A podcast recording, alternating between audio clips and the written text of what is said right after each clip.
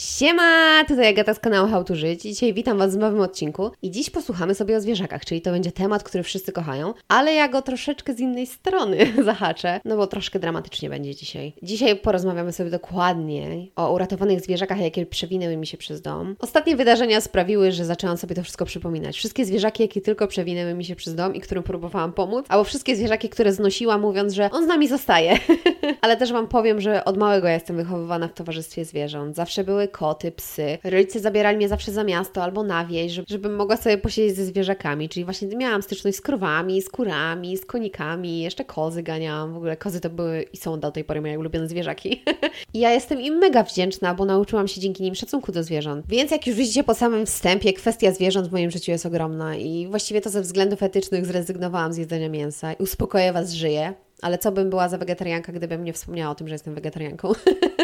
Więc po co i dlaczego w ogóle nagrywam ten odcinek? Bo chcę Was uczulić na cierpienie zwierzaków i poprosić Was o pomoc. Właściwie opowiedzieć z mojej strony, jak to wygląda, no bo nigdy nie wiadomo, kiedy będziecie w podobnej sytuacji, jak na przykład ja. Czy czasem nie znajdziecie jakiegoś rannego zwierzaka albo jakiegoś oszołomionego zwierzaka i nie będziecie wiedzieli, co zrobić. Chcę Was też nauczyć tego, że zawsze, ale to zawsze warto pomagać. Bo jeżeli znajdziesz ranne zwierzę, reaguj, ale to zawsze. Nie miejcie w głowie czegoś takiego, że a może ktoś tu był już przede mną, ktoś już gdzieś zadzwonił, albo ktoś zaraz wróci, ewentualnie ktoś inny zaraz po mnie przyjdzie i pomoże temu zwierzakowi. Prawdopodobnie, niestety, jesteście jedyną osobą, która zareaguje, która zwróciła uwagę na te zwierzę, skoro już się zastanawiacie, czy pomóc, czy nie. Więc działajcie, bo może zaraz zdechnąć. No więc teraz opowiem Wam kilka historyjek ze swojego życia. Opowiem Wam, jak to u mnie wyglądało z tym ratowaniem zwierzaków. Nie zawsze się to udawało, ale zawsze przynajmniej próbowałam. I zastanawiałam się, od czego zacząć. Doszłam do wniosku, że zaczniemy od mojego ostatniego mieszkańca, czyli gołębia, którego znalazłam na ulicy. I tydzień temu w poniedziałek jechaliśmy sobie z Wojtasem na lekcję angielskiego. I mamy je w poniedziałki, i teraz uwaga, między 18 a 21.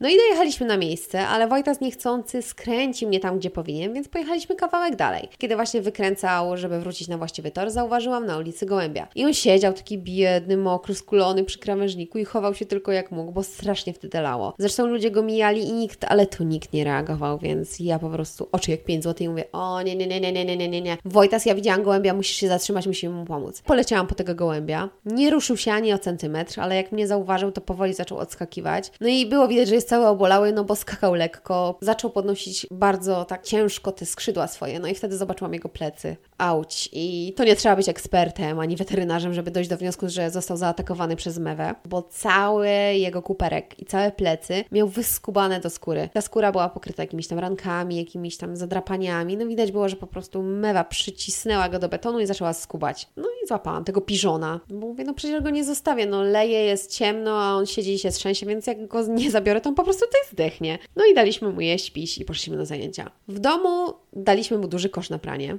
więc wsadziliśmy tam kot, wsadziliśmy tam jedzonko. To była mieszanka kasz, to chyba kasza jaglana była i słonecznika, ziarno słonecznika. No i daliśmy mu też świeżą wodę, zakryliśmy od góry ten kosz na pranie, żeby nie miał jak wylecieć. No i zostawiliśmy go na noc. Rano przychodziliśmy, sprawdzaliśmy, wszystko było w porządku. Ja też mu odkażałam te rany jak tylko mogłam, żeby tam się jakieś zakażenie w międzyczasie nie wdarło. No i na następny dzień, jak poszłam do pracy, to pierwsze co zrobiłam, no to zaczęłam szukać jakiejś fundacji. Zaczęłam pisać na Facebooku do jakichś ludzi, którzy zajmują się gołębiami. Próbowałam się dodzwonić, ale niestety bez skutku, muszę przyznać. Udało mi się z jedną fundacją nawiązać kontakt SMS-owy, to kazali mi pozrzucić gołębia do charity shopu. I teraz Wam nakreślę, co to jest w ogóle charity shop. Nie wiem, czy ja to robiłam, ale myślę, że to jest zawsze warte podkreślenia. Charity shop to jest nic innego jak tak jakby taki lumpex. Tyle tylko, że tam pracują wolontariusze i każdy charity shop zbiera na coś innego. Znaczy on jest rejestrowany jako miejsce, gdzie zbiera się pieniądze na przykład na ludzi chorych na raka albo właśnie na jakieś konkretne sanktuarium dla zwierząt i tam ludzie przynoszą darowizny te darowizny są wyceniane potem i sprzedawane. No i tak też to się właśnie zarabia. I to wszystko działa na zasadzie charity, czyli właśnie jest takie darmowe. Tam pracujesz za darmo, tam przynosisz rzeczy za darmo, a cały zysk idzie właśnie na jakąś tam konkretną fundację. No i się ugadałam, że faktycznie podwieziemy do tego charity shopu tego gołębia. No i taki był plan. No ale niestety po powrocie z pracy, chcąc odkazić te rany, nakarmić i napoić gołębia, znalazłam go niestety sztywnego i zimnego. No nie dożył maluch niestety i szkoda mi było go strasznie, bo wcześniej już noc wcześniej skakał. W ogóle był strasznie obrażony, że ja go śmiem psikać czymś, co go szczypie i o, widać było, że też jadł. Naprawdę mieliśmy dobre przeczucie, że uda nam się, uda nam się go uratować. No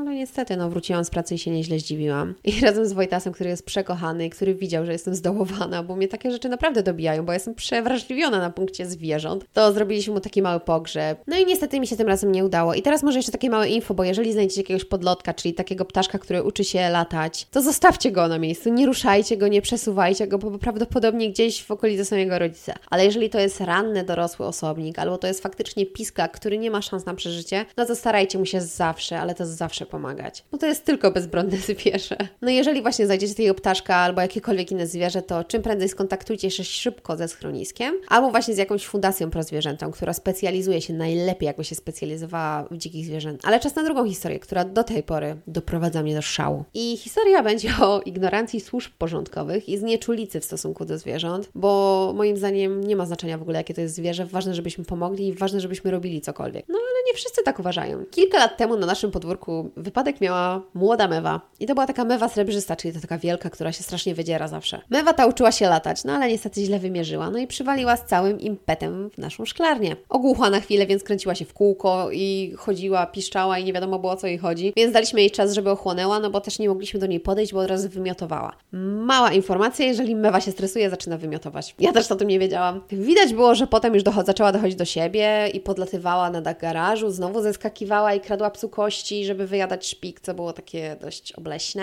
Więc doszliśmy do wniosku, że skoro już jest w stanie podlecieć na taki nie za wysoki dach, no to prześpi się, odpocznie i na następny dzień będzie gotowa do drogi. Następnego dnia znowu przywaliła w szklarnię. Nie wiem, jak ona wymierzała te swoje trasy. Nie wiedziałam, co zrobić i postanowiłam pierwsze co. Pierwsza myśl, jaka mi przyszła, zadzwonić do schroniska, chcąc dowiedzieć się, co mam z nią dalej zrobić. To była niestety sobota. Ja byłam bez auta i bez w ogóle jakiejkolwiek możliwości transportu tego zwierzaka. Jakiejkolwiek, uwierzcie mi, próbowałam. Byłam totalnie bez kasy, próbowałam wykombinować, co by tu zrobić, no bo siedziałam autentycznie i szperałam w internecie, jak tylko mogę. Szukałam wszystkich jakichś fundacji, które współpracują e, ze schroniskiem, albo czy są jakieś fundacje, które zajmują się dzikimi zwierzętami dookoła koszalina. No niestety wtedy nie było. No i kombinowałam, no bo kurde, no ja mogę ją dokarmiać, no ale co to da? Czy to coś da? Czy ja jej pomogę w jakikolwiek sposób? Czy powinnam jakoś zabezpieczyć? Nie wiem, schować ją do garażu, dać jej jakiś karton? No ona jest wielka i na mnie syczy. Próbuje nas podziałać, więc trochę peniamy, bo... No ale że była ranna, to trzeba było jakoś jej pomóc. Po tym drugim uderzeniu to widać było, że już ma niestety zwichnięte skrzydło i już raczej nigdzie nie poleci. No i tak jak pomyślałam, tak zrobiłam. Przedzwoniłam do schroniska, no i słyszę w słuchawce Dzień dobry, tutaj schronisko, w czym mogę pomóc? Ja mówię, jak wygląda sytuacja, że no dzień dobry, znalazłam rannego ptaka, ale nie mam dzisiaj możliwości transportu, czy jest możliwe, żeby jutro podrzucić ptaka, nawet kiedy schronisko jest nieczynne. No i wtedy kobieta mi odpowiada,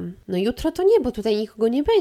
No ale wie Pani co, jak sobie tak pomyślę, jak Pani ma takiego ptaka, no to ja mogę Pani podać numer naszego funkcjonariusza, bo on jest akurat w terenie i może on coś poradzi, może on go odbierze, albo nie wiem, no niech Pani do niego zadzwoni, bo ja nie mam auta i ja nie mam co zrobić. A zresztą my możemy go wsadzić tylko tak naprawdę do klatki, bo my nie zajmujemy się takimi zwierzętami dzikimi. No ja sobie tak siedzę i tak oczami już zaczęłam przewracać, no i się pytam tej kobiety, no ale jak się nie zajmujecie? No przecież reklamujecie się na Facebooku cały czas, wrzucacie jakieś gołębie, jakieś mewy, jakieś inne dzikie ptactwo, że je ratujecie, uhuhu. No ale to nie my się tym zajmujemy, my je tylko transportujemy do ośrodków, które zajmują się dzikimi ptakami. No ja wtedy już zirytowana odpowiadam, bo ja się szybko irytuję, to muszę zaznaczyć. No ale o to mi pani kochana chodzi. Ja chcę temu ptaku pomóc, ja nie mam warunków, żeby go przetrzymywać. Ja się nie znam na mewach, ja nie wiem, co mam z nią zrobić, ja po prostu potrzebuję pomocy w transporcie. Wy jesteście schroniskiem i teoretycznie Wy macie umowy, że odbieracie zwierzęta, więc chciałabym wiedzieć, co mam zrobić. No wie Pani co? No ja Pani więcej tutaj nie pomogę, bo ja siedzę tutaj tylko na telefonie, ale ja Pani dam numer tego funkcjonariusza i proszę się ten, proszę się z nim dzwonić. I zdziwiło mnie to nieogarnięcie tej Pani, no ale mówię, no dobra, no pracuję na recepcji, no to pracuję na recepcji, nie musi znać wszystkich grafików, wszystkich procedur, jakie funkcjonują w schronisku, no ale jak już będzie funkcjonariusz, no to on pewnie będzie wiedział, o co chodzi. No i dzwonię do tego Pana, tłumaczę mu jeszcze raz, jaka jest sytuacja, że utknęłam z mewą, która jest ranna, nie mam jak jej przetransportować, potrzebuję pomocy i co mam zrobić? I tu się zaczyna teraz, moi drodzy, moje wielkie wkurwienie, bo koleś mi powiedział, że jak chce, to on może u mnie być, ale to dopiero tak za dwie godziny, ale on nie zrobi tego z darmo. Ha, no bo on jedzie z innego miasta i w ogóle nadrobienie takich 30 minut to jest nieopłacalne dla niego. Zresztą on już zaraz kończy pracę, no i dlaczego on miałby po godzinach jeździć po ptaka? A ja go przecież mogę przetransportować w poniedziałek albo go wsadzić do taksówki. I słucham i słucham i siedzę już taka podirytowana. No i mówię mu jeszcze raz, że Koro, Towarzystwo Opieki nad Zwierzętami ma podpisaną umowę z gminą podobno, no to dlaczego on nie może przyjechać i pomóc? No nie, nie, nie, nie, to już wykracza poza nasz teren, no niestety nie mogę Pani pomóc, ale mogę to zrobić właśnie odpłatnie, jako taksówka. Ja mówię, proszę Pana, jakbym wiedziała, że to będzie taki problem i gdybym miała pieniądze, to uwierzy mi Pan. Ja już bym wsadziła tą mewę i sama przyjechała do schroniska, skoro jest to taki wielki problem dla wszystkich. No i Pan siedzi i tak, ale nie musi się Pani denerwować. Ja mówię, jak mam się nie denerwować, jak mi zwierzę zaraz zdechnie na podwórku, no. Mówię, mewa, nie mewa, ale kurde, no czuję, no żyje i chcę mu jakoś pomóc. Wie Pani co? Jakoś to zorganizujemy. Myślę, że to jesteśmy w stanie zrobić. Ja tam poinformuję schronisko, że Pani podwiezie tego zwierzaka, no bo jak Pani chce, to musi Pani zadzwonić na Straż Miejską albo na jakieś takie inne służby gminne, które u Pani działają, bo oni mogą to zrobić, a nie my. My potem jakoś zorganizujemy ten transport do tego jakiegoś tam innego sanktuarium dla dzikich ptaków. No ale musi to Pani zrobić szybko, musi Pani wziąć ten telefon i faktycznie zadzwonić, no bo to schronisko będzie czynne jeszcze przez godzinę. Więc myślałam, że mi żyłka wtedy wokół pęknie ze złości, no ale mówię, no muszę zadzwonić, bo inaczej ptak utknie ze mną na kolejne półtorej dnia i możliwe, że nie dożyje. Na pierwszy ogień poszła Straż Miejska, no bo teoretycznie oni powinni być pierwsi w kolejności do wykonywania takich telefonów. No i co na Straży Miejskiej? Klasy! Kończyli godzinę wcześniej, bo przez cały dzień prawdopodobnie byli tak bardzo zajęci, że się zmęczyli. No i nikogo nie było w pracy. Nikt nie odbierał, nikogo nie było na dyżurze, mimo że powinni być na stanowiskach jeszcze przez godzinę albo nawet chyba dwie. Ale nikogo nie było, więc kolejnym strzałem była policja. No i po Straży Miejskiej zadzwoniono na policję i rozmowa wyglądała mniej więcej. E, dzień dobry, tutaj, ty, ty, ty, w czym mogę pomóc? W czym mogę przyjąć jakieś zgłoszenie? I wtedy odpowiadam ja. Dzień dobry, ja szukam transportu dla rannego zwierzęcia. Potrzebuję kogoś, kto przetransportuje je do schroniska w Koszalinie w przeciągu godziny. Niestety, z mojej strony ja nie mam możliwości zapewnienia transportu. Dzwoniłam również do schroniska, powiedzieli, że są teraz niestety niedostępni, a słyszałam, że Wy macie w obowiązku wspierać schronisko. Słucham? My? Chyba Straż Miejska ma obowiązek zajmowania się zwierzętami. No tak, proszę pana, ale oni niestety już nie pracują, więc zostajecie wy. No nie wydaje mi się. Proszę pana, dzwoniłam przed chwilą do funkcjonariusza TOZU, który jest w trasie i powiedział mi, żebym zadzwoniła do państwa, bo on nie ma możliwości odbioru. A wy jesteście służbą gminną, która ma to w obowiązku. Aha, no a co pani ma za zwierzę, że to takie niby jest ważne? Wtedy mówię, że mewa. I uwaga, co? mewa?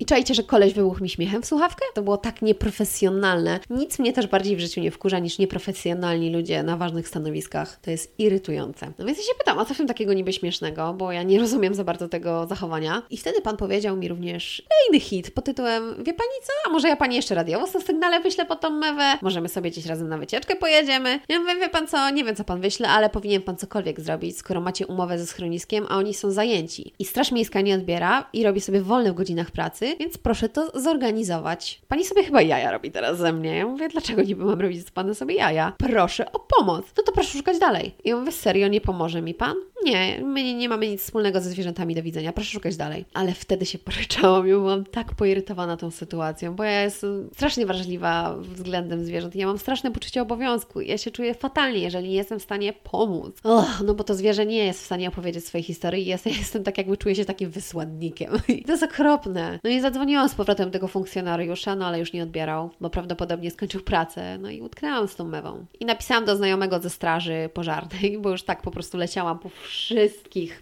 służbach. Stwierdziłam, że kurde, w dupie to mam. Jak Straż Miejska nie działa, jak policja ma to gdzieś, no mówię, no to spytam się straży, bo może oni, nie wiem, może oni mi coś podpowiedzą. Nie najważniejsze pytanie, czy straż jako służba gminna mi pomoże. No i usłyszałam od kolegi, że oni to niestety, ale tylko trupy zbierają. No i że żywymi zajmuje się tak, jak wcześniej wszyscy mówili, Straż Miejska. No więc utknęłam z mewą na kolejne dwa dni praktycznie. No i po nieudanych tych wszystkich telefonicznych akcjach wrzuciłam też publiczny post na Facebooka z prośbą o pomoc, czy mogę gdzieś zadzwonić jeszcze, czy mogę spróbować coś zrobić, czy ewentualnie ktoś mnie podwiezie, no ale cisza, no schronisko też już było zamknięte, więc no mogłam pocałować co najwyżej klamkę. No ale dostałam namiar na Pomorski Ośrodek Rehabilitacji Dzikich Zwierząt Ostoja.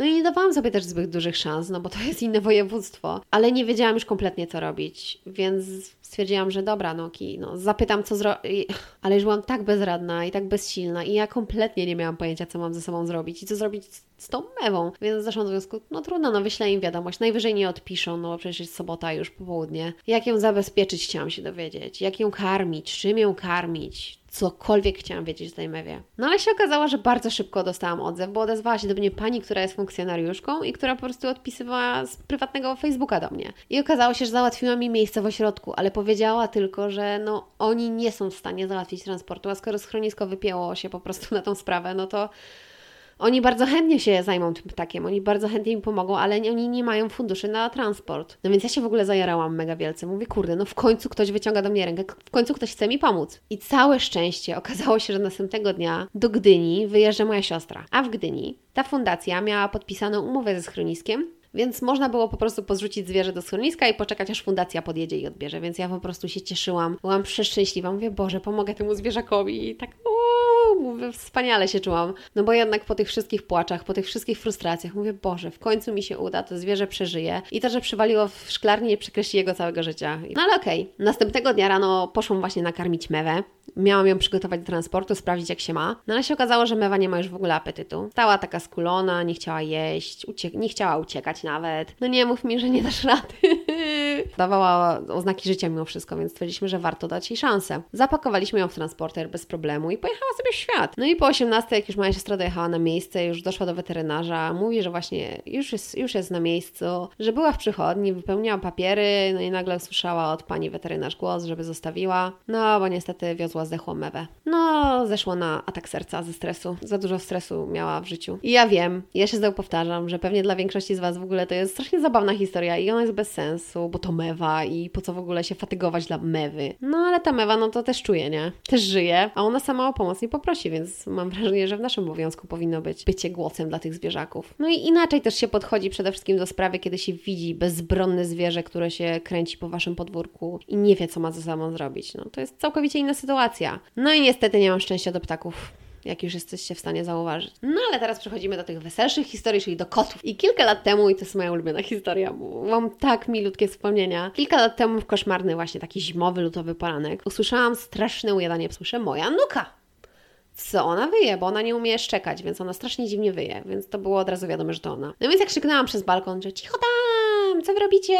Zagwizdałam, żeby przyszły, no ale dalej słyszę, że ujadają, tylko ujadają z drugiej strony domu, spod bramy wejściowej. No więc wyleciałam w szlafraku z domu i zobaczyłam, że psy zagoniły w kąt małego kociaka i szczerzą na niego zęby. No już taki atak był rasowy. No więc ja złapałam moją nukę za obroże i odciągnęłam ją, więc ciapek y, waleczny, inaczej pies, mojego dziadka, został odepchnięty wtedy nogą, no i kot miał szansę na jakąkolwiek ucieczkę. Okazało się, że kot również był sprytny inaczej. No i zamiast skoczyć za bramę, którą dosłownie miał za plecami, w której były wielkie szpary, przez które bez problemu by przeskoczył, wleciał nam na podwórku. Co jeszcze bardziej rozjuszyło psy, więc one po prostu w dzikim pędzie pobiegły za tym kotem. No takie jest życie, że psu nie wytłumaczysz. Halo, halo, proszę zostawić kota, no więc one poleciały. No ja stwierdziłam, ha, ha, ha, nie, nie, nie, kochana. Co najwyżej wtedy dostaniesz po pysku, a nie kota. No i na moje nieszczęście oczywiście, no bo jak to może być? Kot wszedł pod taras, gdzie są same kamienie, no i tam jest strasznie ciężko wejść, a jeszcze w zimę, w kapciach i szlafroku to już w ogóle był wyczyn. Patrzę pod ten taras, no i patrzę, że ten kot znowu utknął w rogu i nie miał w ogóle, nie miał możliwości ucieczki tym razem już. Tak jak wcześniej mógł się przecisnąć przez szczebelki i co najwyżej straciłby ogon, jakby go pies chapnął, tak teraz już nie było w ogóle opcji. Ja mówię, jedyne co byłam w stanie wtedy zrobić, to, to złapałam nukę za obroże, zaciągnęłam ją do domu. Strasznie się namęczyłam, bo ona się stawiała, jak nie wiem, no ale co, no rarytas, kotek mały był.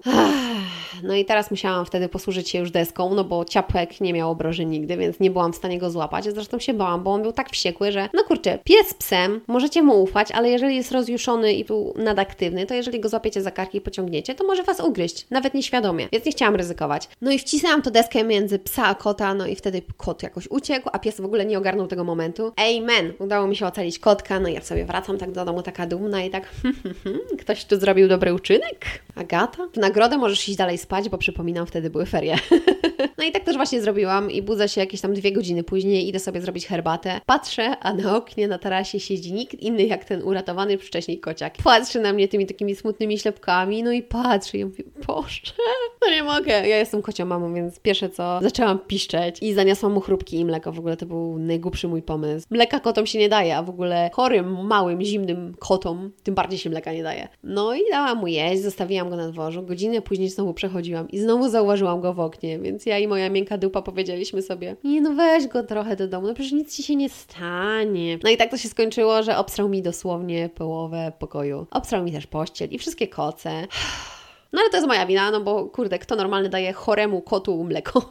Geniusz zła. Ogrzał się, wysuszył, najadł. No i stwierdziłam, że wypuszczę go na dwór, żeby sobie właśnie tak już wrócił do domu, no bo w sąsiedztwie zawsze, ale to zawsze było dużo kotów, więc wierzyłam, że to pewnie któryś z nich, no bo skąd by się tu mały kot wziął? No i opowiedziałam wieczorem też o sprawie przy obiedzie rodzicom. No i rano budzę się, bo słyszę, że tata coś na podwórku majstruje. No i otwieram balkon i się witam i wtedy słyszę, ty Agata, twój kot dalej tu siedzi. Ja mówię, jaki kot? I obracam się, patrzę no na parapecie, siedzi dalej mój skulony kot, który dalej wpatrywał się we mnie tymi wielkimi, smutnymi oczami. No i się zastanawiam, no ale co on tu robi? No i tata mi wtedy powiedział, że on nie wie. No ale jak rano już z tej rano wychodził, to on spał na parapecie, a jak chodził po garażu, to kot za nim poleciał, zaczął się ocierać o wszystkich, wszystkich zaczepiał. No i moi drodzy, no co ja miałam zrobić? No wzięłam go do domu.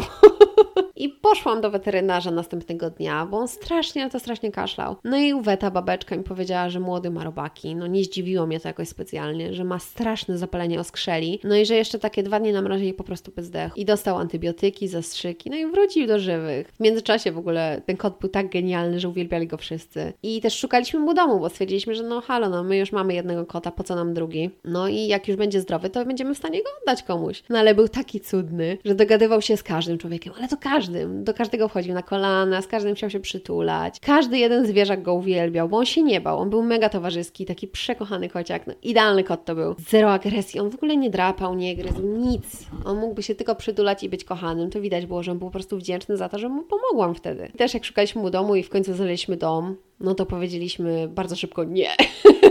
nie ma opcji, on zostaje z nami. No i ten kotek z nami został i nazywał się Stefan. No i żył z nami sobie pół roku, aż niestety jednej ferelnej nocy jakiś debil, bo inaczej go nie nazwę, postanowił puścić fajerwerki. No i kot tak się przestraszył, że uciekł. Szukaliśmy go wszędzie, przyklejaliśmy ogłoszenie w busach, bo tam najwięcej osób przecież przełazi w sklepach, w słup, na słupach, po prostu wszędzie było to ogłoszenie. No niestety zginął nasz Stefanek gdzieś w tajemniczych okolicznościach. Do tej pory nie mamy pojęcia, czy ktoś go przygarnął, czy on gdzieś zdechł, czy co się z nim stało. No ale strasznie to było smutne, ale te pół roku, które z nami spędził, było świetne.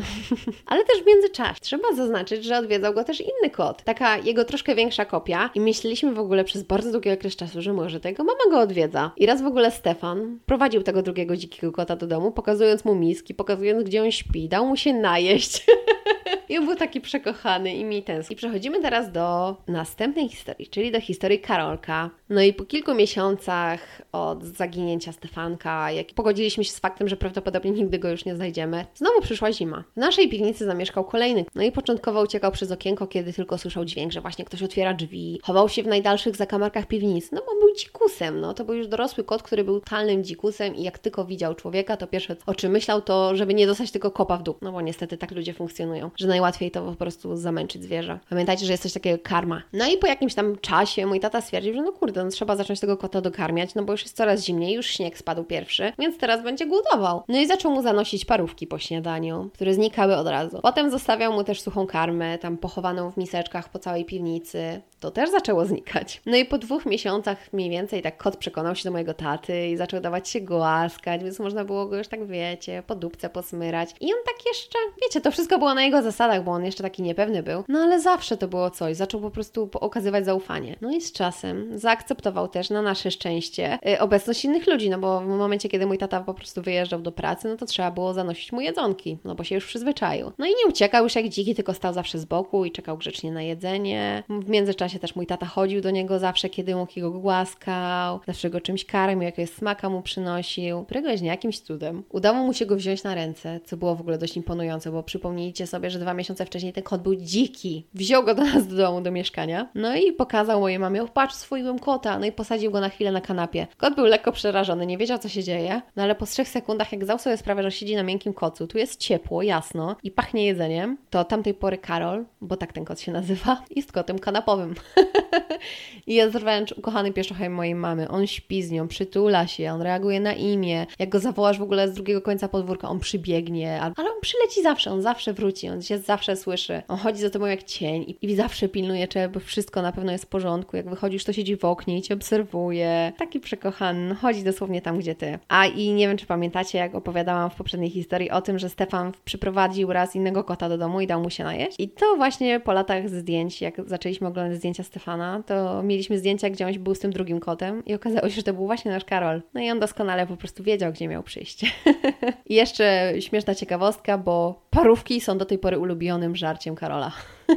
On może jeść tylko parów. No i chciałabym też bardzo Wam opowiedzieć o mojej siostrze, która przez kilka lat pracowała jako dom tymczasowy dla kociaków właśnie na terenie Trójmiasta i pomagała mi w leczeniu oraz oswajaniu. No ale to historia myślę, że na inny. I teraz tak, jeszcze raz Wam powiem. Pomagajcie i nie bądźcie znieczuleni, nie bądźcie obojętni, nie zastanawiajcie się nie wiadomo ile. I nawet jeżeli Wam się nie uda, to pomogliście jak tylko mogliście. No. Nie zawsze znajdą się ludzie, którzy będą Wam chcieli pomóc i na Wasze nieszczęście w większości będziecie mieć do czynienia z mniej wrażliwymi ludźmi, którzy, tak jak na przykład mnie, wyśmieją Was przez słuchawkę, bo niestety bez własnego transportu mało komu będzie się chciało fatygować. Może też się okazać, że nie będzie żadnej placówki dookoła Was, ale no kurczę, chociażby dajcie jedzenie i ciepło temu zwierzęciu i spróbujcie dostać się do najbliższego weterynarza. No i smutny morał z tego niestety jest. Warto pomagać, ale nie wolno się obwiniać za niepowodzenie, bo bądź z siebie dumny, kurczę. Nawet jeżeli zwierzę nie przeżyło, to ty pomogłeś, dałeś z siebie wszystko. Nie jesteś weterynarzem i nie powinieneś mieć nigdy wyrzutów sumienia. Więc bądźcie z siebie dumni i nie bądźcie obojętni. I pamiętajcie, że zwierzętka też czują i też kochają. I ostatnio w ogóle naukowcy udowodnili, że psy rozumieją ludzką mowę. Tak, w ogóle, czy wy macie jakieś historie? Czy wy kiedyś próbowaliście ocalić jakieś zwierzę? Czy wam wyszło, czy to nie wyszło?